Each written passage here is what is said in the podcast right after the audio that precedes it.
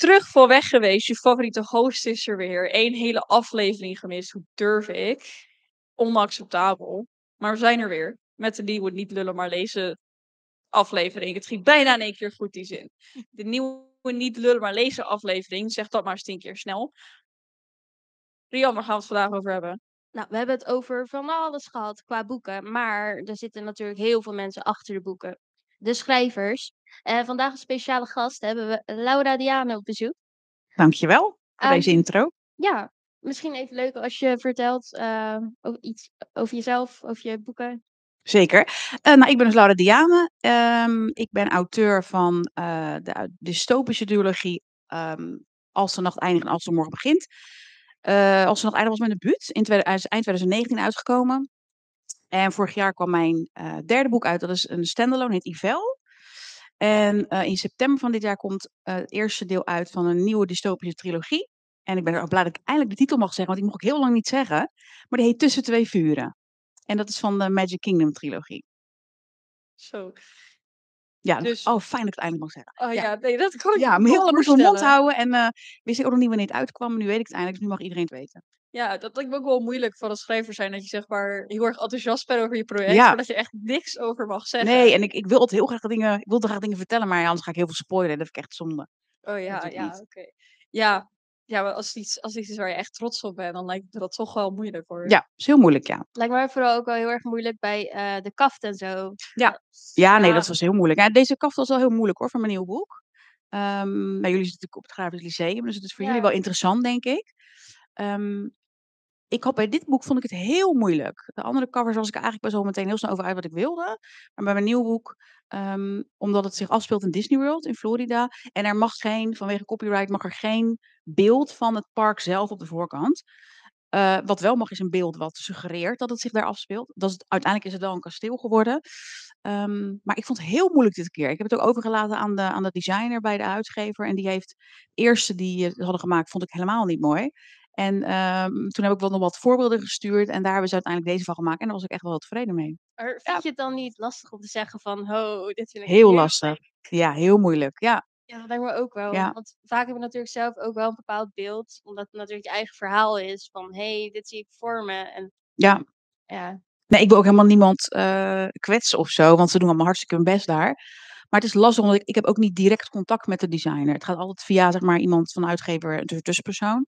ja. Maar ik, ik zeg dan wel altijd van, als ik iets niet mooi vind, leg ik wel uit van waarom ik het dan niet mooi vind. Het past niet bij het verhaal. Of, eh, ja, dus natuurlijk toch je visitekaartje. Ja, tuurlijk. En zeker bij Young Adult boeken is het super belangrijk. Want hoeveel, jullie misschien ook wel, kopen jullie vaak boeken op de kaft alleen al? Ja, nou ja, we hebben het hier al vaker over gehad. Maar Oké. absoluut. Nou, niet altijd, maar heel vaak helpt het wel. Ja, ja. Want ja, ja, het als er komt er heel erg op neer. Als we de kaft niet mooi vinden, dan... Ah, het, het is, het is zeg maar die aandachtstrekker. Want het is dat gevalletje van, ja, soms zie ik mooie covers en draai ik ze om en dan lees ik het verhaal en denk ik van, oh, laat maar. Maar het is ook heel vaak, zeg maar, dat ik gewoon boeken zie en denk ik van, ja, die cover is het eigenlijk net niet. En dan loop ik gewoon door. En misschien is dat best wel erg. Alleen, Nee, nee, nee, maar dat is, dat is niet erg. Dat is gewoon zoals het is. Eh, eh, het visuele aspect is super belangrijk. En jullie, bedoel, jullie zijn grafisch uh, of studeren voor, om grafisch ontwerper te worden. dat, dus. dat is het denk ik ook wel een beetje. Er zijn heel veel mensen nu, jongeren, zijn heel erg visueel ingesteld. Ja. Dus dan is het ook, uh, ja, het is gewoon die eye-catcher. Dat Ja. is ook tegenwoordig veel meer karakters op de voorkant Mhm. uh, of uh, plekken in plaats van dat je zeg maar gewoon een kaft hebt met een titel en dat is het dan Mhm. eigenlijk. Dus echt heel veel dat soort dingetjes nu. Ja, ik hou helemaal niet van personen op de voorkant. Nee, nee maar dat, kijk, ik ben er zelf ook niet zo van. Hè. Daar ga ik echt heel eerlijk over zijn. En dat zegt heel wat over mij. Want ik, mijn favoriete boeken, Spelslinger, hebben de voorkant Mhm. altijd de main character en dan een side character. En normaal ben ik daar echt niet van, omdat ik dan ben van, oh ja, maar wat als ik eigenlijk niet ermee eens ben dat het karakter er zo uitziet. Ja, precies dat, ja. Het moet ook iets aan de, als je, als je het leest, dan vorm je toch een bepaald beeld in je, in je eigen hoofd. Ja, dat was bijvoorbeeld bij eh of Thorns and Roses had je wel Vero op de voorkant. Ja. Maar eh, je zag haar hoofd niet. Je Oké, ja, dat is anders. Ja, haar haar. Klopt, ja. Dus dat vond ik dan niet erg. Maar inderdaad, Ja. als het er helemaal op staat, dan je hebt toch een eigen beeld inderdaad. En dan Vond ik het in dat geval, ja, waren het echt wel van die gezichten dat ik van ja, het past wel. Maar dan denk ik bij mezelf van, maar ik weet niet of ik op hetzelfde resultaat uit was gekomen als het niet op de voorkant had gestaan zoals Ja. dat. Dus ja, ik, kan, ik, ik snap wel waarom je niet direct je main characters of wat dan ook op de voorkant Nee. zet. En ik, ik hou zelf gewoon wat, van wat meer minimalistische covers. En eh, ik vind het ook wel mooi als ik nu zeg maar alle covers van mijn boeken naast elkaar zie, hebben ze toch ook wel, er zit wel een bepaalde lijn in. Het heeft wel een bepaalde ja, stijl die, die mij wel ligt. Ja, maar dat is ook vaak de schrijfster of schrijver. Ja, dat is misschien wel grappig, want ehm, nou ja, ik vind jouw boeken natuurlijk heel erg leuk. Is maar, Echt niet Weet je die heel zeker? maar de reden waarom ik zeg maar eigenlijk in eerste instantie er eh, heel erg van hield, was echt eh, het lettertype op de voorkant. Oké, ja. Ik kreeg hem en ik was van, holy shit, dit is cool. Dat, ja, zo kan je zien dat de kaf toch eigenlijk echt al wel heel veel doet. En, Ja. ja. Is wel Daarom is het denk ik ook wel belangrijk dat zeg maar, schrijvers wel een zeg erover hebben. Want eh, jij mocht er dan wel wat van zeggen, als ik het goed Ja. begrijp. Ja, zeker. Ik hoor ook wel eens van schrijvers dat ze gewoon zeg maar, een kaft krijgen en dat ze daarmee moeten doen. Dat lijkt me echt dramatisch. Dat lijkt me echt zo Ja. stom dat je dan een heel verhaal geschreven. Dat je een kaft op moet Ja. slaan door de- waarvan je eigenlijk denkt van nou ja, of ik het zelf zo had gedaan. Ja, of als je boek vertaald wordt. En dan Oh ja, klopt. Dan heb je, volgens mij heb je dan ook vaak geen, ehm, geen, eh, geen of minder inspraak hoor. Ja, Je hebt wordt. bijvoorbeeld het boek eh, Mijn versie van jou, waarvan de Engelse kaft echt heel leuk is. Ja. Maar ja, niemand. ehm, ja, ik wil ik- ja, zoals je zei, niemand eh, echt zeggen dat het lelijk is. Maar Nee, maar iets is niet lelijk. Jij, vindt jij vindt het niet mooi. Dat Ja, is jouw dat- mening. ja, Dat mag. Ja. Hetzelfde, met- hetzelfde natuurlijk überhaupt met boeken in het algemeen. Wat de ene een fantastisch boek vindt. Ik maak altijd de vergelijking met Fifty Shades of Grey. Om even een, eh, Oh. een eh, bijzonder exemplaar uit te kiezen. Ja, ik, vind, ik vind het vreselijk, persoonlijk. Maar de, de, de, de rest van de wereld zijn heel veel mensen die vinden het fantastisch. Dus Nou, zo persoonlijk. wij, eh, onze vrienden hebben wel eens één keer in de maand een eh readathon. Gaan we van 12 uur 's middags tot 12 uur 's avonds gaan we Ja. lezen. En we hadden ook een keertje gingen we allemaal van die foute romannetjes lezen en Ja. En toen hadden we ook eh, iemand die Fifty Shades aan het lezen was. Maar elke keer als eh, de, een van de hoofdpersonen dan schat zei of Oh, nee, zei bro. En dan gaf je weer een nieuw tintje aan het boek en dat was best wel grappig.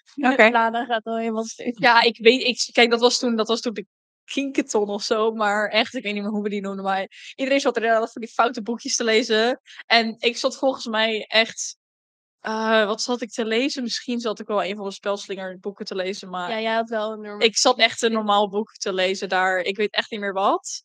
Maar ik zat daar toen echt bij. En dan hoor je echt dingen zoals, ja, dat dan, dat ze dan die bro gaan vervangen, eh, dat ze schat gaan vervangen voor bro. En dan denk ik van, ja, weet je, het is maar wat je leuk Ja, vindt. het is maar, ja, je kan er maar zelf wat leuks van maken, toch? Ah ja, ik ben nooit zo van dat soort. eh, nee. Maar ik zit nu te denken aan een cover van Fifty Shades of Grey. Is dat niet gewoon een stropdas? Ja, volgens Ja. mij wel, ja. Wauw, indrukwekkend. Maar het is geen eens een sexy stropdas. Wat is definieer Ja, wat- sexy Ja, stropdas? precies. Ja, wat is een sexy stropdas? het gaat vaak om de man die hem draagt, denk ja, ik. nee, tuurlijk. Maar, Dat hij maar een beetje scheef zit of zo. nee, maar volgens mij was dit echt zo'n stropdas die heel veel oude mensen dragen. Oké. Oké. Zo heb ik er nog naar gekeken. Oh, fijn.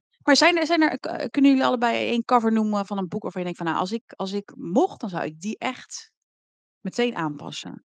Zou ik er Ja, zelf één van mijn ontwerpen? versie van jou echt zonder Oké. vallen. Sorry, degene, of, of misschien zit hij te luisteren. denk het niet, maar... Ik zit echt te denken. De enige waarvan ik echt ehm, denk van, oh nee, eh, is de Engelse versie van Artemis Fowl. Ja. specifiek. Ik weet, er zijn heel veel Engelse versies van Fowl, Engelse versies, eh, covers voor Fowl. Maar er is één specifieke. eh, en ik snap echt niet wat ze daar dachten precies. Maar dat was weer helemaal wit. En dan Ja. zeg maar, had je altijd zeg maar, het hoofdkarakter. Artemis had je dan. In, ja, ze hebben dat wel een 3D-model en alles was wit. En dat die blauwe ogen. Het was echt zo, zo uncanny valley. Het was Mhm. echt een. Ik zag het toen staan. Ik dacht van, oh. Dus dat er vergelijkt met Nederlands was zeg maar zo'n één lichtbron en dan silhouet. Dus zo, dat was wel gaver. Dat je echt die Engelse versie dacht van nee, nee, dit is hem niet, jongens. Nou. Nou, fijn. Maar van covers, dat vraag ik me altijd af, hè. Eh, want er staat altijd zo op de achterkant of aan de binnenkant van een flap cover, weet je wel, staat dan de samenvatting. Wat ik me dan afvraag is, moet je die ook, mag je die ook zelf schrijven of is dat ook weer zo'n ding? Want dat Moest zelfs. moet zelfs, oké. Ja, ja. Dat vind ik de Is dat ook bijna moeilijker dan het hele boek zelf schrijven. Eh, en hij moet ook nog eens bij Klaas is het zo dat die ze hebben, eh, ehm, wat zeg maar, er komt er komt iets op de achterkant van het boek te staan en ook, ehm, een tekst in de folder, weet je, de de de aanbiedingenfolder. Mhm. En die die die moet er mag maar 4 regels zijn. Dus dan moet het ook nog eens een stukje korter. Jij probeer alles maar eens in 4 regels te proppen. Zeker als je hele verhaal Ja, want, eh, ja, voor voor mijn nieuwe boek had eh, heb ik best wel een lange flaptekst gemaakt. Eh, ik weet nog bij Yvel heeft daar heeft het echt heel lang bij geduurd. Vond ik het heel moeilijk. Om niks te verklappen over het verhaal en ja, dat het is echt een struggle is het. Ja, dat inderdaad van hoeveel kan ik zeggen Ja, voordat er is altijd een redacteur die nou uiteindelijk als voordat de folder uitkomt, krijg ik een mailtje en dan zegt hij van nou, eh, de folder komt bijna uit. ehm, heb je de tekst? En dan gaat hij zelf een beetje er ook in, in zitten schuiven en dan komen we er meestal wel uit. Oh ja, oké, dus je kan, krijgt er wel hulp bij. Ja, ik krijg wel hulp. Oh ja, oké, dat is dan wel, Ja. dat is dan wel fijn inderdaad. Anders zit je er echt Ja, van. Je kan er eh, heel lang aan zitten, ja. Ja, dat geloof ik. Want ja, dat. Want hoe, hoe denk je daarbij na? Zeg maar? Want het, mij lijkt het van. Gooi je al die karakters daar meteen in naar buiten? Of eh, hou je dat gewoon van, oh, dit is het hoofdkarakter. Ik vraag me dat echt van, wat gaat er Ja, nou? er zijn wel bepaalde formats voor. Ehm, ja, regels is niet het goede woord, maar wat ze zeggen wat handig is om wel in die flaptekst duidelijk te maken eh, wanneer het zich afspeelt. In mijn geval is het dan, met mijn dystopische boek is het natuurlijk vaak in de toekomst, dus dan ik- probeer ik het jaartal wel in te, in te verwerken. Het hoofdpersonage moet je er in ieder geval ook in noemen. Ja. Ehm, waar het zich afspeelt is ook wel handig. En wat je uiteindelijk soort van het doel is, of het, ja, eh, je moet ook weer niet te veel weggeven. Dus het moet ook weer niet te ingewikkeld worden, want dan denken mensen, "Huh, waar gaat het over? ja. Ja. Het moet je een beetje triggeren, hè? Het moet je denken van, oh, soms, eh, volgens mij, bij- ik weet niet eens meer wat, hoe, als de nacht eindigt, hoe die, eh, maar volgens mij eindigt hij al met een, vra- met een, een van de twee eindigt met een vraagteken, met een vraag. Dus dan denk je ook van, oh, zo word je, als je het leest, word je getriggerd van, oh, ik wil eigenlijk wel weten hoe het dan afloopt. Ja, het boek was vrij open. Dat weet ik nog wel. Ik was een soort boos dat het niet verder ging en dat ik moest wachten. Ja, nee, die, dat, dat heb ik wel eh, eh, bij die trilogie die ik nu aan het schrijven ben, eh, heb ik wel zeker voor gezorgd dat het niet hele erge cliffhangers zijn op het einde. Ja, Dat is fijn. ja het, is wel, het eindigt wel zeg maar spannend dat je denkt, oh, ik wil verder lezen, maar niet, maar niet zo dramatisch als mijn eerste boek. Ja. Sommige mensen vinden dat nooit erg. Dat het zeg maar eindigt op een grote cliffhanger. Maar ik vind het echt niet leuk. Ik bedoel, het mag wel eh, wat open zijn. Ik bedoel, je mag me best eh, benieuwd maken naar hoe het Ja. verder gaat. Maar sommige boeken stoppen dan bijvoorbeeld dat er misschien iemand dood is of zo. Mhm. En dan, ja, dan duurt het een jaar voordat je verder kan. Nou, ik ben echt een jaar, kan ik dat boek niet loslaten. Ja. Ik blijf gewoon gestrest van, met het gevoel van, eh, leeft hij nog? Weet je wel? Ja. ja, bij Als we eindigen, als we was ook heel veel tijd tussen hoor. Dat was, daar heb ik wel van geleerd. Dat heeft het te maken met, met het uitgeefproces hoor. Ehm, dat er zo lang tussen zat. Maar eh, ja, dan, volgens mij hebben mensen anderhalf jaar moeten wachten om, om deel 2 te lezen. En ik moest zo lang mijn mond houden. Dus ehm, nee, daar heb ik wel van geleerd. Dat is, bij de trilogie komen ze wel sneller op elkaar hoor. Dat is de bedoeling. Dat is fijn. Ja, want de, boek 2 is, is mijn favoriet tot nu toe. Nou, we zijn benieuwd. Ja, Ja, zeker. Ja, ik moet ook wel zeggen, ik ben echt zo'n simpele geest trouwens in cliffhangers hoor. Want ik lees altijd van die boeken die, er is een grotere verhaallijn, maar ieder boek heeft ook zijn eigen conflict. Dat wordt geresolved aan het einde, weet je wel. Er moet bij mij altijd iets worden opgelost. Ik ben echt zo en ik ben echt, het is niet eens een aandachtspan, maar ja, ik weet, ik kan gewoon heel slecht tegen cliffhangers. Oké, Vind ik altijd, ja, hetzelfde met Artemis Fowl voor eh, bijvoorbeeld, ja, er was altijd wel zeg maar een onderliggende verhaallijn met één grote big bad evil, waar het was altijd zeg maar, het begin van het boek creëren we een probleem. En aan het eind van het boek is dit probleem Oké, zo, ja. opgelost. Nou, dat is wel grappig dat ik het zeg, want in de, de, de- het eerste deel van mijn trilogie, dus dat de, tussen twee vuren, ehm, toen de uitgever dat had gelezen, toen kreeg ik een mail terug en zei hij van nou, eh, hè, we gaan het uitgeven. Er zijn wel zo'n paar dingetjes waar je even naar moet kijken. En één daarvan was er dat er in, het, in dat eerste deel, aan het einde van deel, blijven, eh, waren er te veel vragen nog open. Dus hij zei, er moet wel iets opgelost worden, ehm, om die lezer ook een beetje tegemoet te komen. Dus ik moest nog, dat moest ik nog herschrijven. ja, ja oké, ja, die snap ik wel. Dat je, je moet een beetje zeg maar zo een... eh, er moet een je tussenweg iets- tussen zitten. Dat moet, natuurlijk moet, het- want je moet wel denken van, oh, ik wil, ik wil deel 2 lezen, want ik wil weten hoe het verder gaat. Maar er moet ook wel iets opgelost worden. Dus dat, dat, heb, ik, dat heb ik ook opgelost. Ja, ik. oh, ik had dat toen zo met Six of Crows. Ik kreeg echt haat krijgen voor mijn haat richting de Grishaverse. Maar dat ik met Six of Crows dat altijd kost dat alles misging. En ik had echt het gevoel aan het eind van deel 1 van nou, ehm, top. Er is echt, zeg maar, helemaal, ja, nou, ze hebben missie volbracht, maar er zijn meer problemen als dat we begonnen. ja. Dus of ik hier nou op zit te wachten, nog een boek vol drama. Af, fijn. Zitten nu wel steeds een beetje aan het eind van het proces eh, te praten trouwens. Ja, Misschien ook grappig om even naar het begin Ja. ervan te Ja, gaan. want- vertel. Eh, als je denkt van, hé, hey, ik wil een boek schrijven, hoe begin je? Ja, dat is een hele goede vraag. Ja, dat wordt natuurlijk mij heel vaak gevraagd hoe schrijf je dan een boek en hoe kom je, wordt ook vaak gevraagd, hoe kom je op ideeën, hoe, waar je inspiratie vandaan? Ja, bij mij is dat, er is ook niet echt een truc voor of een, eh, of een bepaalde methode. Ehm, eh, bij Ivel bijvoorbeeld was het echt heel erg random dat ik op Pinterest zat en dat er een plaatje voorbij kwam ehm, met allemaal kleuren en daar stonden allemaal dan emoties in. En ja, dan gaat er toch ergens een radartje draaien in mijn hoofd en dan denk ik van, oh, Oh ja, hoe tof zou het zijn als je, of eigenlijk niet tof, als je dus inderdaad aan iemand oogkleur kon zien hoe die zich voelde. En dan gaat eigenlijk het balletje bij mij rollen. Dus het kan, ja, het kan overal vandaan komen eigenlijk. En dan begin ik wel gewoon met allemaal losse ideeën op papier zetten. Of, eh, ja, ik, ik ben sowieso best wel een dagdromer, dus ik ga heel erg fantaseren. Dat kan eh, vaak onder de douche zijn of als ik in de openbaar vervoer zit. Ja, en dan, dan uiteindelijk vormt er zich een verhaal. Ja, het, het is, ik kan het ook niet goed uitleggen. Ben je zo iemand die dan het verhaal ook soort uitplant? Of ben je gewoon van, oh, ik begin en ik zie wel waar de weg... Nee, ja, ik heb wel geleerd van als de nacht eindigt en als de morgen begint. Daar heb ik, daar heb ik minder gepland dan bij mijn andere boeken. Ehm, dat resulteerde ook in dat ik als nacht eindigt, dat, dat het middenstuk, zonder al te veel te spoilen, maar waar zeg maar de plot twist, waar zeg maar uitkomt en wat er dan echt aan de hand is, dat heb ik geloof ik echt vier keer herschreven of zo. Omdat ik dacht van nee, het is niet logisch en het klopt niet en eh, ah, nee, het moet anders. Ja, dat komt toch omdat, omdat je het van tevoren niet goed hebt uitgedacht. Dus dan kom je op een gegeven moment in de problemen. Dus ik heb bij eh Yvel wel echt meer uitgedacht. En, en bij, bij mijn huidige trilogie is, is, het extreem ingewikkeld in elkaar met heel veel backstories. Dat heb ik echt ook heel, eh, ja, heeft heel veel moeite gekost ook. Maar als het dan uiteindelijk samenkomt, is het wel heel tof. Ja, maar, eh, want je hebt natuurlijk ook heel veel karakters vaak in een boek. Heb je dan wel eens gehad dat je een karakter hebt geschreven, maar dat je daarna was vergeten dat hij er was of zo? Ja, bij Als de Morgen Begint. Want dat lijkt me ook wel... ik, ik heb hem dood laten gaan. Toch, heet hij toch Thomas, heet hij toch volgens mij? Die jongen. dat Weet het, het, is mijn ben- eigen boek. Ja, dat is die jongen die in Nacht eindigt. Die is op een soort van... eh, ehm, Lia's moeder, die, die, probeert, die probeert haar een beetje aan de jongen te koppelen. Oh ja, En hij gaat dan aan haar vragen, oh, zullen we een keer afspreken? En zij, we houden het een beetje af. En eigenlijk was het de bedoeling dat als de morgen begint, dat ze, kwamen ze terug in dat dorp, dat hij ook met hun mee zou gaan met die hele groep. En toen op een gegeven moment was ik, waren ze ergens halverwege. En toen dacht ik, oh ja, ik, ik, wat moet ik nou eigenlijk met die Thomas? Wat moet ik daarmee? Toen dacht ik van nee. En toen heb ik hem in het begin droom laten gaan. Want nu komt ze terug en dan spoiler. Nu komt ze terug en dan ligt hij daar ergens doodloos aan de kant van de weg. Ja, het is echt een dramatisch boek ook. Ehm, dat, ja, dat loopt zo opgelost.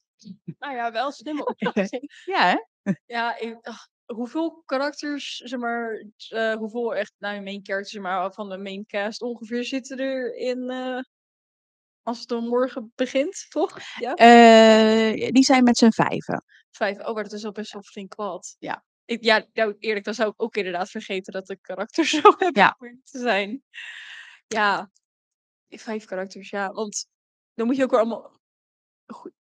Denk je dan ook van, eh, bijvoorbeeld als het in grotere gesprekken, van, dan moet je dat toch ook allemaal opsplitsen in Ja, maar ik weet wel dat bij. eh, maar dan ga ik weer eens niet op mijn oude boek, maar het boek wat ik nu aan, dus aan het schrijven ben, in die trilogie, daar zit bijvoorbeeld een, een scène in, eh, in boek 2, eh nou, dat is zonder te spoileren, waar inderdaad mensen allemaal met elkaar aan het eten zijn Oh ja. in de zaal. En dat, dat, daar zitten alle mensen aan tafel. Dat vond ik heel lastig, omdat je, je moet alle.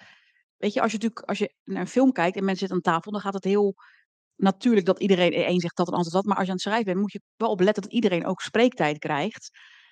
Dus dat vond ik echt heel, dat vond ik lastig. Ja, en je moet natuurlijk ook zorgen dat het wel goed in elkaar Ja. overloopt. Niet dat je denkt dat, ja, die zegt dit. Ja. En die zegt Ja, dat. en echt op elkaar, op elkaar reageren. En er is ook wat irritatie in, op, in die scène. Dus dat, is, dat maakt het dan wel. Nee, uiteindelijk ben ik wel heel ben ik wel trots op. Dat is wel iets wat ik me afvraag. Als je zeg maar dialoog gaat schrijven, dus zo van hoe voorkom je dat je constant zij, zij of hij, zij of dit. Hoor, Eh, ja, daar heb ik ook niet echt een, eh, ja, dat wordt heel saai, maar ook niet echt een truc voor. Ja, dat gaat ook eigenlijk. Ik denk dat je gewoon veel moet lezen. Door, door, zelf, door zelf veel boeken te lezen, zie je ook hoe, hoe anderen dat doen. ja. En ehm, als je denk hardop leest, dan Mhm. zie je ook wel als iets niet, niet vloeiend gaat. En soms hoef je natuurlijk ook niet eh, hij, zij te zeggen, maar je kan ook, soms kan je het ook helemaal weglaten. Ja. Ja, het is vaak dat de eerste lijn begint met iets, en dan heb je een paar van die dialooglijnen. Dan denk ik ook van ja, maar ondertussen denk ik dat wel eens bij mezelf, als dat zo lang doorgaat, zeg maar, van die Ja. lijn, met die dialoog zonder enige dingen, dan denk ik van ja, maar wat ben je in de tussentijd aan het doen? Ja. Ben je gewoon gaan zitten en zit je daar nu nog steeds? Er moet wel balans zijn sowieso. En, en wat, wat, wat, wat, wat ook wel zo vaak wordt gezegd als tip is dat je je karakters iets, iets, je moet ze iets te doen geven. Dus als ze aan het praten zijn, dan kunnen ze ook tegelijkertijd aan het hardlopen zijn of eh, ja, noem eens wat.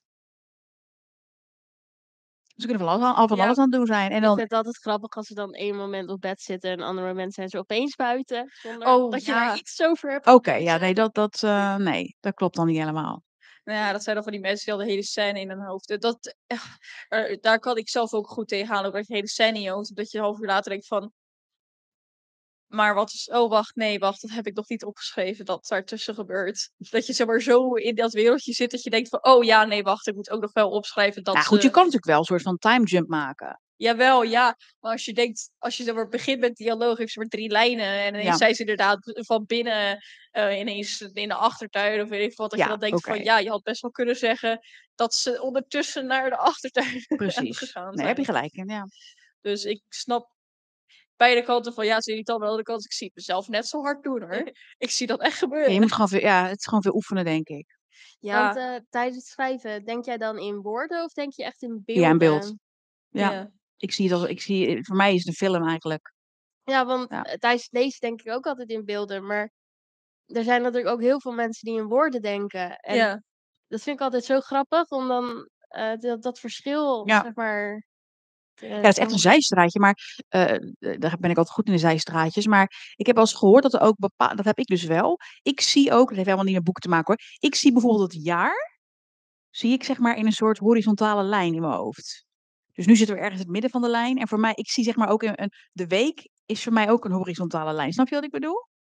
Dus ik, ik zie dan, dat zit dan ergens, ja, vrijdag zit dan daar. Ja, dat klinkt, dat klinkt echt heel weird als mensen dit luisteren, denken ze, Ja, nee, helemaal goed. Maar dat, dat is, ja, ja, ik denk in, in korte rijtjes. oké. Dus ik, ik snap Jij herkent het helemaal niet, of wel? Nou, ik- te luisteren van, oh, nee, ik, luister, ik luister hier echt heel graag naar. Ik vind het altijd wel interessant om eh, te zien hoe mensen dat doen. Want ik heb echt zeg maar een hoofd dat eigenlijk geen keuze kan maken. Want er zijn echt heel specifieke dingen die ik in beelden denk. Oké. Maar als ik weken, jaren denk, dan denk ik percentages. Om een of andere reden. Oh. Maar dat is het stomme, want ik kan echt zeg maar zo goed te rekenen ben ik helemaal niet. Maar als het op dit soort dingen aankomt, dan gaan mijn brein ineens in percentages denken. Oké. Dus zo van, oh, oké, je hebt ook een optie, I guess. Maar Ja, Ik dacht dat iedereen dat dus had, maar ik zei dat, ik zei dat een keer toch tegen mijn moeder en die zei van nee, dat heb ik helemaal niet. Dus ik dacht, oh, dan heeft niet iedereen het blijkbaar die dat dan zo in, in zo'n beeld denkt. ik, ik ken wel echt iemand, eh, bij mij eh, op de middelbare school was dat, die zag, die zag gewoon geen beelden of niks, zeg maar. Zij kon niet Iets visualiseren niet. Ja, dat. Zij-. En dan denk ik ook bij mezelf van, hoe niet? Als, weet je, dat vraag ik me dan echt af. Van je, als je iets denkt, in mijn hoofd, zie je dan iets. Maar dat is dus niet voor iedereen zo. En ik echt Ja, van, nee, dat bedoelde ik inderdaad dus Ja. net. En dat vind, ik- ja, dat vind ik zo grappig. ja, ik, ja, interessant vind ik dat inderdaad ook wel. Ondertussen helemaal niet meer op thema. Maar, Nee, maar dat maakt helemaal niet uit. Dat maakt helemaal niet uit, joh. Soms uh, dwaal, je wel eens af. oh ja, nee, het is overigens niet nullen maar lezen. Dus het wordt Oh. vaak genoeg dat we halverwege het onderwerp denken van, oh ja, eh, wat? Daar zijn we ook weer Waar ging het ook weer over? Ja. Nee, ik heb nog wel een vraag. Ja, vertel.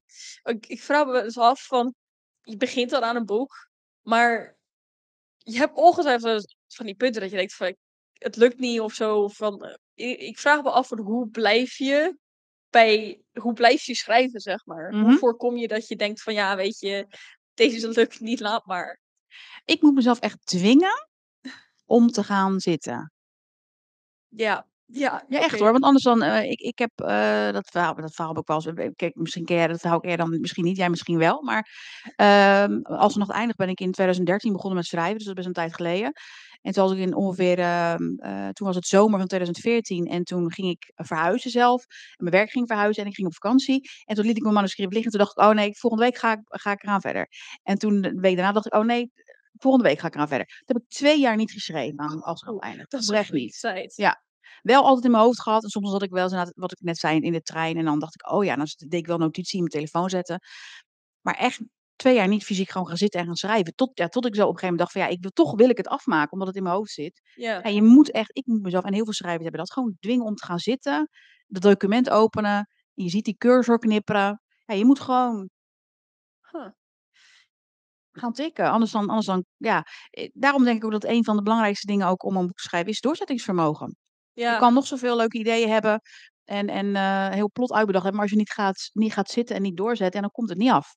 Nee, ja, sowieso niet. Nee, maar dat is ook wel echt zo'n ding dat ik dan... Want je denkt soms... Het is heel makkelijk om te denken van... Oh ja, maar dit zijn professionals, weet je. Die, die willen Oh, dit van... Ik Ja. ben geen professional, laat dat wel wezen. Kijk, dat is zeg maar... Dat is zo'n dingetje. Dat is net zoals... ehm, van, eh, dat je dan eigenlijk denkt van... Ja, weet je, als ik het zou proberen... Dan denk ik halverwege van... Ja, weet je, lukt niet, laat maar. Je bent wel gewoon geneigd dat mensen die dat doen... Mhm. eh, dat die dat ook gewoon, zeg maar... Dat, die, die, hebben, die zouden dat dan niet hebben in heel veel mensen zijn gewoon geneigd dat ze hetzelfde met tekenen eigenlijk. Dat je dan denkt van ja, als ik het probeer dan lukt het niet. Maar dit is een professional, dus alle, maar alle schrijvers hebben dat. Alle schrijvers Ja. hebben dat. Echt waar. Dat heeft iedereen. Ja, Ja, eh, eh, het is, het is la- lastig soms denk ik ook maar eens waarom ben ik dit in godsnaam gaan doen. Maar uiteindelijk, als het, het het fijnste moment is als het gewoon af is. Nou, als het, als het in de winkel ligt. ja, Dan, dan ben je er klaar mee. Maar ja, ja, doorzetten. dus toch. Ja, echt. Ja, en gewoon gaan zitten en echt gaan schrijven. Zelfs En ik zeg ook altijd, wat ik, ook, ik, ik, ik geef ook wel eens workshops op, eh, of gastenlessen op middelbare scholen. En ik zeg ook altijd, ik heb geen eh, opleiding gevolgd. Ik heb geen journalistiek gestudeerd, ik heb geen Nederlands gestudeerd, helemaal niks. Dus het, dat, dat maakt ook helemaal niet uit.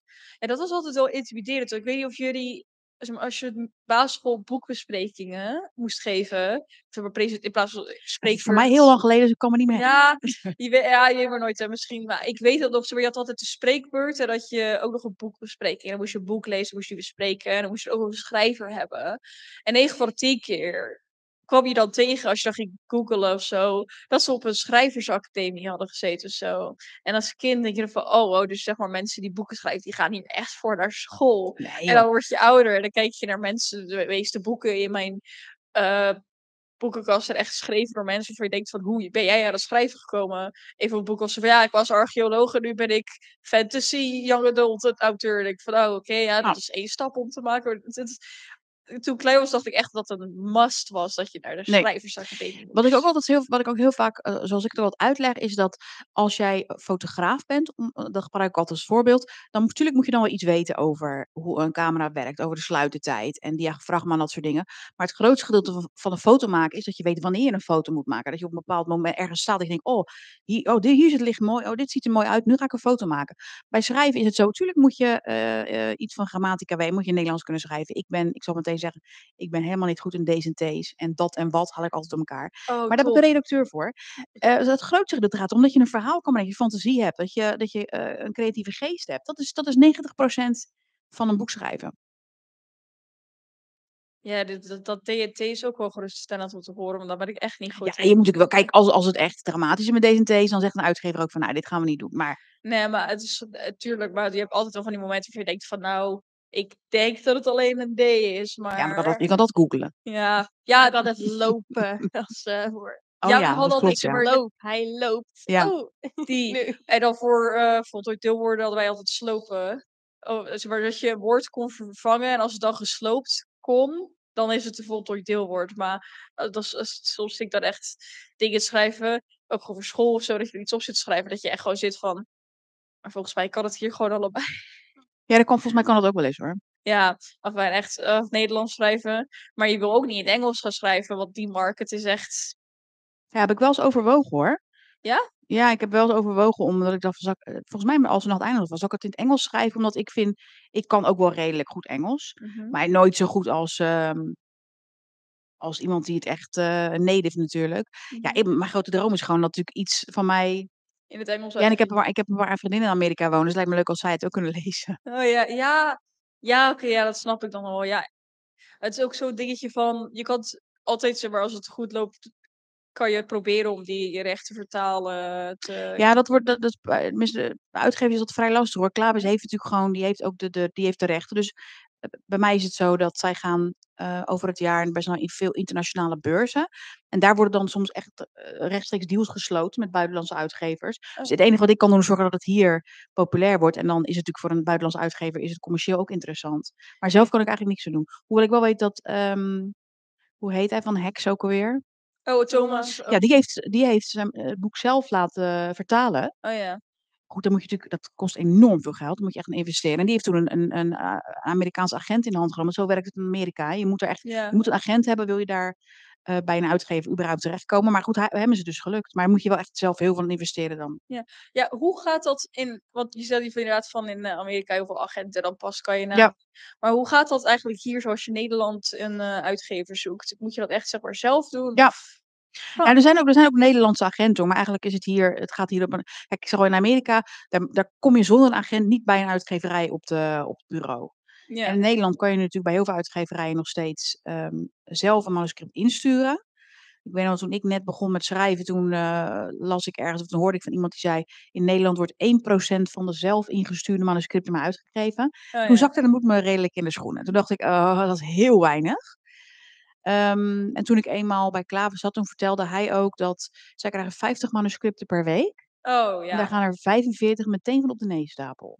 Oh ja. Zij weten dus eigenlijk al, en het kan zijn door uh, dat het niet bij hun, bij het fonds past, hè, wordt dan vaak gezegd dat het niet bij, uh, niet in, in, dat het genre niet bij hun past. Ja, en zij kunnen te vaak denken op de eerste bladzijde al zien van, nou, dit, uh, dit gaat hem niet worden. Ja. Dus, dus het gaat eigenlijk gewoon vooral in Nederland is het opsturen naar waar je denkt dat het past en hopen voor het beste. Ja, je moet, je, wat je eigenlijk moet doen is je moet, je moet uh, naar uitgevers zoeken die waar jouw manuscript of jouw boek bij past. Hè? Uh, als het een uitgever die alleen maar thrillers uitgeeft en jij komt met een heel romantisch verhaal te proppen, dan gaan ze het waarschijnlijk niet uitgeven. Dus daar moet je naar kijken. Um, en je moet altijd zorgen dat je uh, bij je manuscript uh, een proposal meestuurt, noemen ze dat. Dus dat is eigenlijk een soort sollicitatiebrief. Oh ja, oké. Okay. Waarin je jezelf voorstelt en je vertelt dus over het boek. En dan zit er ook nog vaak uh, een korte samenvatting bij, een lange samenvatting, een overzicht van de belangrijkste personages. Um, en dat stuur je dan mee. En dan is het inderdaad gewoon, ja, ik ben begonnen met drie uitgevers opsturen. En um, daarna nog drie, geloof ik. En ik denk dat ik iets van zeven, ik denk uiteindelijk zeven opgestuurd heb voordat Klavis kwam, denk ik. Maar het valt, ja, ik in ieder geval, het is alsnog best wel wat. Maar in ieder geval had ik echt verwacht van, oh, dit is echt zeg maar zoiets waar je jaren mee bezig bent. Dus, uh, Ja, sommige mensen wel. Bij mij niet, ja. Ik weet niet of dat geluk is of ik durf dan niet van van... goede schrijver. Ja, maar dat durf ik niet over mezelf te zeggen. Dat vind ik stom. Mag gewoon toch? Nee, dat... dat... Ik, nou, weet je, ik vind dat een boek uitbrengen al op zich heel wat is. Want het is heel makkelijk voor mensen om te zeggen van ja, nee, dit, dit vond ik echt een slecht boek. Van ja, maar uiteindelijk is het uitgegeven. Ja. Het is uitgegeven, dus er is op, uh, er zal, mogen het objectief of subjectief zijn, er zal iets goeds aan zijn. Anders zou het niet zomaar. Dat klopt. Dat klopt. Uit worden gegeven. Maar ik en ook veel, weer vele schrijvers met mij zijn knijter onzeker over wat ze schrijven. Nog steeds. Dat en nu, ik. nu ik, er zijn al drie boeken van me uitgegeven. Maar vorige week zat ik met mijn huidige manuscript dus te, te redigeren. En toen dacht ik, nou, het is echt, nou, het is niks joh. Mensen gaan het helemaal niks vinden. En het is te ingewikkeld. En het is niet onlogisch. En terwijl ik er echt zelf, toen ik het schreef, heel erg enthousiast. Ik ben er nog steeds enthousiast over. Begrijp me niet verkeerd. Maar dat is gewoon, ja, Ja, perfectionisme, imposter syndrome, noem het allemaal maar op. ja, ik denk dat dat ook wel een ding is met het artiest zijn in iets. Ja, dat, Ja, is- dat, dat, dat, je heel goed. En dat is bij jullie denk ik ook. En dat zal ook bij... oh, bij enorm. eh, je, je bent er gewoon bang dat mensen iets wat jij hebt gemaakt niet mooi vinden. En Ja. het is heel kwetsbaar, omdat het iets is wat jij hebt gemaakt. Het komt uit Er jou. zit vaak gewoon een stukje van jezelf in. Precies. Of als je er Ja. dan zeg maar, als je er eerst trots op bent, dan kijk je er een tijdje naar en dan denk je van, oh nee, dat. Ja. Oh, de neus zit scheef. Ja. Of dat je dan zeg maar denkt, eh, als je dan zeg maar gaat kijken vanuit het eh, ja, kijkersperspectief, zeg maar. Want jij weet natuurlijk waar alles zit en alle details en zo. Dan zoom je uit en dan denk je bij jezelf van, oh nee. Oh nee, als je niet weet dat het er zit, dan, oh shit. Weet je wel, dat soort dingen. Ja. Daar, ja, dus dat natuurlijk, ik snap ook wel van... eh, er zal altijd wel een dingetje rondhangen van, oh, maar mensen gaan... Ja, het, kan, echt- het kan zo, ten eerste kan het nooit perfect zijn. En ten tweede eh, is, is het nooit voor iedereen geschikt. Er zullen altijd mensen zijn die het niet, die of een tekening die je hebt gemaakt, niet of een boek niet leuk vinden of eh, niet interessant. Dat zal altijd zo zijn. En dat, dat is gewoon wat je moet accepteren eigenlijk. Ja, klopt. En ik vind het ook prima als mensen het niet leuk vinden. Maar ja, eh, als je natuurlijk echt hele nare recensies krijgt, dat kan wel, ehm, Ja, soms wel heel pijnlijk. dat dat lijkt me echt lastig. Van hoe ga je daarmee om als je zeg maar een boek uitbrengt dat je dan zeg maar ergens op online ziet dat je echt zeg maar van slechte recensies Ja. ziet. Dan denk je toch ook bij jezelf van oh nee, dit was zoveel werk. Ja, ik probeer ik ik ik ik, eh, bij de eerste 2 boeken heb ik echt eh, zat ik misschien wel dagelijks ging ik op Goodreads kijken wat mensen er dan van zeiden. Ehm, dat doe ik niet meer. Ik ik kijk bijna nooit meer. Oh, oké. Ja, dat is inderdaad wel de beste oplossing. Ja. Maar ja, Nou, valt het bij mijn boeken nog wel mee, maar ik weet dat bijvoorbeeld, eh, ik ik maak zelf ook een podcast met 3 andere, ehm, young adult schrijfsters. En Astrid Boonstoppel, de schrijfster van Dit is hoe het ging, zij heeft echt wel eens echt, eh, meerdere malen recensies gehad die gewoon, eh, bijna persoonlijke aanvallen waren. Dat vind dat dat dat vond ik echt te ver gaan. Je mag van mij absoluut vinden van een boek wat je vindt, maar daar werd bijvoorbeeld gezegd van, eh, ja, het boek het boek moet, eh, ritueel verbrand worden. Ja, dan denk ik, ja, dat is gewoon niet oké. nee, dat Wat jij net zei, van ja. iemand die daar zoveel tijd in gestopt heeft. En, eh, ja, je, mag het je mag het niet leuk vinden, maar ja, dat soort dingen. Maar goed, dat is de tijd waarin we nu leven. Hè. Op, op, op, op internet, social media, kan iedereen maar gewoon zeggen wat hij over iedereen, iedereen Ja. Gooit het erop. En dat soort dingen vind ik ook altijd wel een beetje. eh, ik denk van ja, en dat zie ik soms. En dat is het ergste van allemaal. Want soms eh, denk ik, ja, als je online ziet, is het toch één ding. Maar ik heb ook echt wel een paar keer dat ik een boekenclub meeting had, dat ik erbij zat. Dan denk ik van, nou, jij hebt gewoon echt niet opgelet toen je dit boek aan het lezen Mm. was. We hebben toen ook de academie gelezen met de boekenclub in. ja, eh, dus van Astrid. ja, en ik vond dat echt, zeg maar, echt wel een leuk boek. En dat Mhm. was al best wel heel erg wat voor mij om te zeggen van het Nederlands boek van, oh, dit was echt wel leuk. Ja, En het was ook een, eh, een lekkere, lekkere lengte. Ja, ik vond het echt wel een goed boek. En toen zat ik daar en toen zei iemand, ja, het is echt een heel seksistisch boek. Ik was van, heb je opgelet? Heb je opgelet? ja, maar dat is dan blijkbaar een, een verschil in interpretatie. Ja, ik weet nog een leuke anekdote van jullie, van jullie boekenclub. Dat daar, ik, ik, ik ben de naam vergeten, maar er zat iemand toen bij. En die had op Goodreads uh, alsnog eindig één ster gegeven. En dat was ook dat was toen de tijd de een, ik weet het nu nog meer zijn, maar die had, de enige was toen die één ster had gegeven. En ik had haar naam, ja, ik ben dan, dat zijn we allemaal, Inspector Gadget, ga je dan natuurlijk namen kijken en zo naar achter komen van wie is dat dan. En toen kwam ik er dus achter dat ze, in die, dat ze bij jullie in, in die boekenclub zat. Dus ik heb haar toen, ik weet nog wel dat achteraf ging toen en toen zei ik, van toen kwam ze bij me en zei ja, ik zeg, jij hebt mij één ster gegeven. En toen schrok ze wel. Maar ik zei ook tegen haar, ik zei, joh, ja, maar als jij het niet, niet tof vond, ja, je bent wel eerlijk, weet je. Ik vind het, vind ik helemaal niet erg. ik, ik weet dat. Het geeft echt flashbacks naar één boek wat we hebben gelezen met de boekenclub, jongen. Nee, we hadden toen Schaduwbroer gelezen met de boekenclub. En over het algemeen vrij oké vrij oké reacties op dat boek. Ehm, en ik vond het toen echt, echt, echt een heel slecht boek. En ik denk dat ik het toen twee sterren heb gegeven op Goodreads. Maar echt, zeg maar, dat denk ik ook wel eens bij mezelf van... Aan de ene kant voel ik me daar echt heel schuldig achter. Als ik zeg maar een boek een slechte review geef. Ik heb ook heel weinig boeken op mijn lijst waarvan ik echt zeg maar weinig sterren geef. Want ik voel me daar altijd zo lullig bij. Want ik denk altijd hoe ik ga. Zo van ja, oké, heel goed als die. Maar je kan wel merken dat er moeite in zit. Maar En onder, eh, doe jij, geef je, als je dat doet, onderbouw je het ook? hangt er echt van af. Als ik zeg maar drie sterren geef, dan laat ik het vaak. Tenzij het Shadow and Bone was. Ik heb echt een heel boekwerk over Shadow and Bone op Mhm. Goodreads geschreven. Eh, maar net zoals van, ja, bij Schaduwbroer. Ik weet niet of ik daar iets bij heb geschreven. Ik wou het nog wel gaan doen. Mhm. Want ik had wel echt een onderbouwing voor die. Want ik zat het te lezen.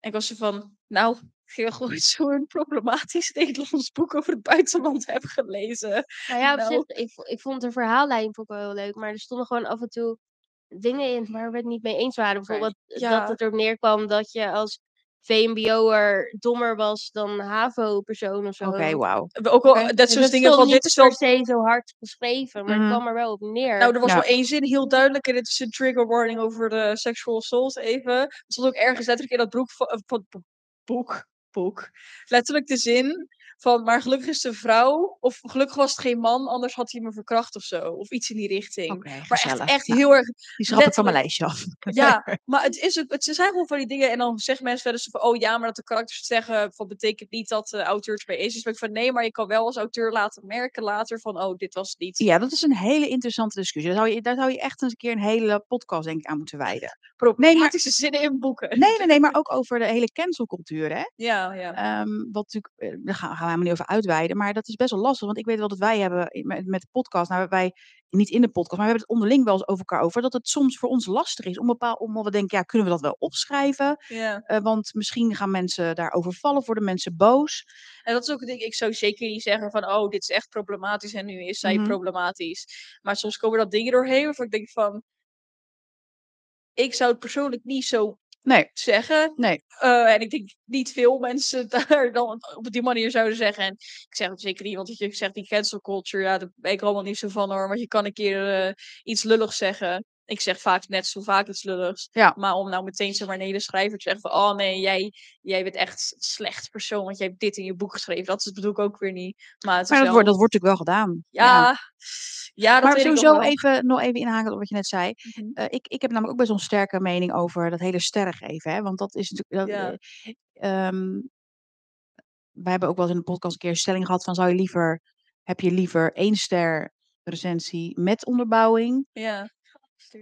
Of vier sterren zonder onderbouwing? En dan hebben we toch li- we hebben liever dat het iets onderbouwd wordt als je gewoon één ster krijgt zonder. eh, maar los daarvan, sterren geven is net hetzelfde als een, een, een wat je van een boek vindt, enorm subjectief. Want wat, wat voor de een, één vindt drie sterren. Want wat, wat, Ja. wat versta jij onder drie sterren? Drie sterren versta ik als, ja, het was een goed boek, maar niet heel veel bijzonders. Oké, en jij, wat versta jij onder drie sterren? Drie sterren, dan vind ik het nog wel goed. Dan, eh, Maar meer naar de, meer naar de, vind je het dan meer goed, vinden jullie het meer goed naar de vier sterren of meer naar de twee sterren? Want dat kan, nou, ik, ik werk zelf, ehm, als ik bijvoorbeeld vijf sterren geef, dan is het vaak een 8,5, een 9 of een 10. Maar dat zet ik er vaak ook bij. Ja, En klopt. ik heb zo, zeg maar, die sterren voor mezelf Mhm. ehm, ja, in mijn hoofd, zeg maar, opgedeeld. Maar dus ja, ik heb niet echt per se dat eh, drie sterren dan dus eigenlijk altijd hetzelfde is. Ja. Ja. De ene keer is het meer een 5 en de andere keer is het meer een eh ja, 6,5 of zo. Maar ik zet er altijd duidelijk bij. Ja. Dus eh, meestal zet ik er duidelijk bij wat ik ervan vond. Ja, wat ik daar dus lastig ook aan vind, is dat eh, ehm, niet alleen boeken, maar eigenlijk met alles wat wij kopen. Mhm. ehm, overal heb je tegenwoordig eh, reviews, hè, van ja. stofzuigers tot vakanties, noem maar op. Mhm. En ik doe het ook, hè, als ik eh, naar iets op zoek ben, ga ik ook kijken van wat de reviews, of hoeveel sterren iets krijgt. En ik ga toch eer, ben eerder geneigd om iets te kiezen wat dan een hogere percentage reviews heeft. Eh, maar boeken is zo persoonlijk. Ja, maar dat is, dat is ook wel, want ik trek me vaak echt niet heel veel ervan aan. Want- jij misschien niet, maar ik denk wel dat heel veel Ja. mensen toch echt daarop Nee. afgaan. Klopt, deze. Ja, nee, ik ken er genoeg hoor. Want het is ook. ehm, ik- kijk, ik lees nooit. Ik, pro, ik zeg nu wel, ik, ga, ik eh, geloof er niet zoveel, maar ik, ik probeer het niet. Dus daarom Mhm. lees ik altijd ook recensies pas nadat ik een boek heb gelezen. Mhm. Van de rest, bijvoorbeeld, eh, toen had ik. eh, volgens mij het tweede deel van de Mirror Visitor uit.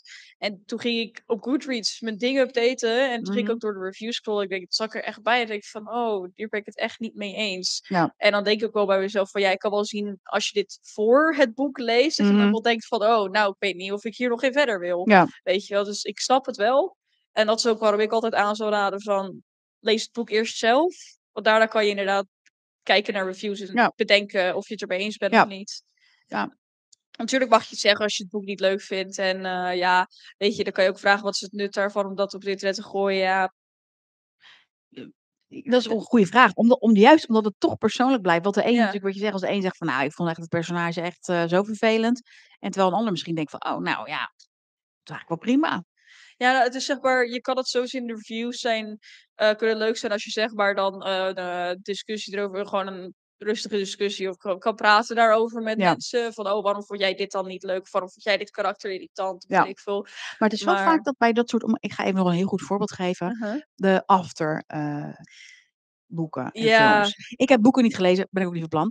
Ik heb die film daarvan gekeken. Oh. Dat was echt wel weggegooide tijd van mijn leven. Ja, nee, dan, oh ja, absoluut. Maar dat soort eh, eh, boeken en films, die hebben wel echt fandoms. Die, die zijn ehm Ja, dat zijn, fanatiek hoor. Dan mag je niks zeggen, want dan... eh, oh nee, nee, dat zijn ook echt, als had ik ze gelezen, dan had ik daar ook niks over gezegd hoor. Ik heb Ja. toen heel lang na zitten denken over of ik daadwerkelijk reviews ging schrijven voor Shadow and Bone zoals Mhm. ik al zei. Omdat dat is hetzelfde verhaal. Dat zijn echt, zeg maar, ja, die 16-jarige beetje Ja. rond die groep, of iets jonger tussen de 14 en de 16. mhm. En ik, dacht, ik zat daar naar te kijken, dacht van ja, ik heb die hele serie drie keer drie sterren gegeven. Dat is gewoon allemaal ja. het waren oké boeken, maar er was echt gewoon helemaal niks bijzonders aan voor mij. En maar ik denk van ja, ik heb natuurlijk, ik begon het ook met, ik kan zien hoe mensen dit leuk vinden, maar voor mij is het Mhm. niks. Want ik, van, ik heb dat echt iedere keer echt heel dik aangedrukt. Ik denk van Ja. als ik nu een oorlog van 16-jarige kindjes naar mijn hoofd krijg, dan heb ik echt een probleem. Want wat doe je daartegen? Er zijn echt, maar, dat is ook wel, er zijn echt wel zeker mensen inderdaad die daar echt op hameren. Ehm, en daarom is dat, dat, daarom heb je ook altijd, zal je altijd die vraag hebben over, ja, is het echt nuttig om een review over een boek Ja. te plaatsen? Ja. Van ja, als je erover wil praten, ja. Als je, als je een verkeerde fandom hebt, nee. We nog steeds, er is nog steeds vrijheid van meningsuiting, dus je mag absoluut zeggen wat je ergens van vindt. Ja, Maar ik vind wel dat het altijd gewoon met respect moet. Ja, nee, zeker dat. En ook al is het op het internet, ik vind wel dat je gewoon fatsoenlijk kan doen, ja. Mee eens. Nou, er was eh, flink wat over het schrijf- en uitgeef- en previewproces, blijkbaar. Maar ehm, uiteindelijk, heleboel hierover. Ook zeker, ik denk dat als het ook nog wel... eh, deze komt vast standaard, net zoals altijd, op YouTube. Mocht je nog extra vragen hebben, gewoon even een comment plaatsen. Maar eerst, voordat ik meteen alles af ga sluiten... Wat zijn we nu aan het lezen? Want het blijft niet lullen, maar lezen. Ik moet beginnen, dat is waar. ik, ik, eh, eh, laatst op Instagram hadden we een post gemaakt ook over Kurt Reed, volgens mij. Ja, en toen had ik eh, ook een eh Penguin Classic. Maar toen had ik de Wilfred Owen van The Anthem of the Doomed Youth. Ehm, maar nu ben ik Sappho Come Closer aan het lezen. Ook een Penguin Classic voor de mensen die alleen audio zijn. Dit zijn de kleine zwarte Penguin boekjes met een witte band in het midden. Bij de Donner als je binnenkomt, staan ze in de buurt van de ingang. Zijn leuke dingen. Het is gewoon zeg maar, als je heel erg van die klassieke. En Nou, je oude. bent er zo doorheen volgens mij. Ja, het is ook wel heel veel poëzie hoor. Dus als je ook wel daar moet je ook wel van zijn. Maar er zitten daar ook een paar tussen met fragmenten uit gewoon. eh, is er ook eentje van H.G. Wells, maar dat weet ik niet zeker. Maar het zou kunnen. Sci-fi schrijver van eh, War of the Worlds. Maar eh, ja, ik ben nu dus de Sappho aan het lezen en haar gedichten. Ik ben tot nu toe echt zeg maar nog steeds groot fan. Ik hou echt wel stiekem toch van die zwierige, zwevige, zweverige woorden. Maar ja, ik ben echt gewoon zo'n typische filler word persoon. Ja, Nou, lekker toch? ja zeker. Nou, Ja, nou, ehm, ik ben de moord op. Ja, het zijn twee delen. Oh, je hebt hem meegenomen. De moord op Buckingham Palace. Nou, en hij is eh, flink geannoteerd, zie ik. ja, dat is er Daar niet hou, ik altijd van. Een geestig moordmysterie. Ja, nou ja, ik lees dus de moord op Windsor. Nee, ja, op Windsor. Oh, Nee. de moord op Buckingham Palace. Palace. Dat is eh, deel 2 van de moord op. eh, nou, Buckingham Palace. wat Lana zegt. Later gaat fout vandaag. Dat is oké. Maar eh, het gaat over ehm, moorden die worden gepleegd op de landgoederen van de koningin van Engeland. En dan gaat ze zelf meehelpen om, ja, om die eh, moorden op te lossen. Dus ik vind het wel grappig. Want Klinkt een beetje je als Cluedo. Ja, maar- het is is wel grappig, want de koningin van Engeland is natuurlijk best wel oud. Dus dan zie je dat zo voor je. Dus Grappig. dat is wel grappig. Dat bijvoorbeeld, ehm, kleine spoiler. Op een gegeven moment moest ze verstoppen voor iemand, omdat er mensen de kamer in kwamen. En dan gingen ze in de kledingkast verstoppen.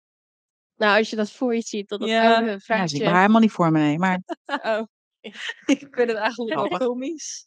Ja, top. Je moet er. er komt gelijk een hoestbui aan. Ja, ik zat ook al een paar keer, eh, maar ja.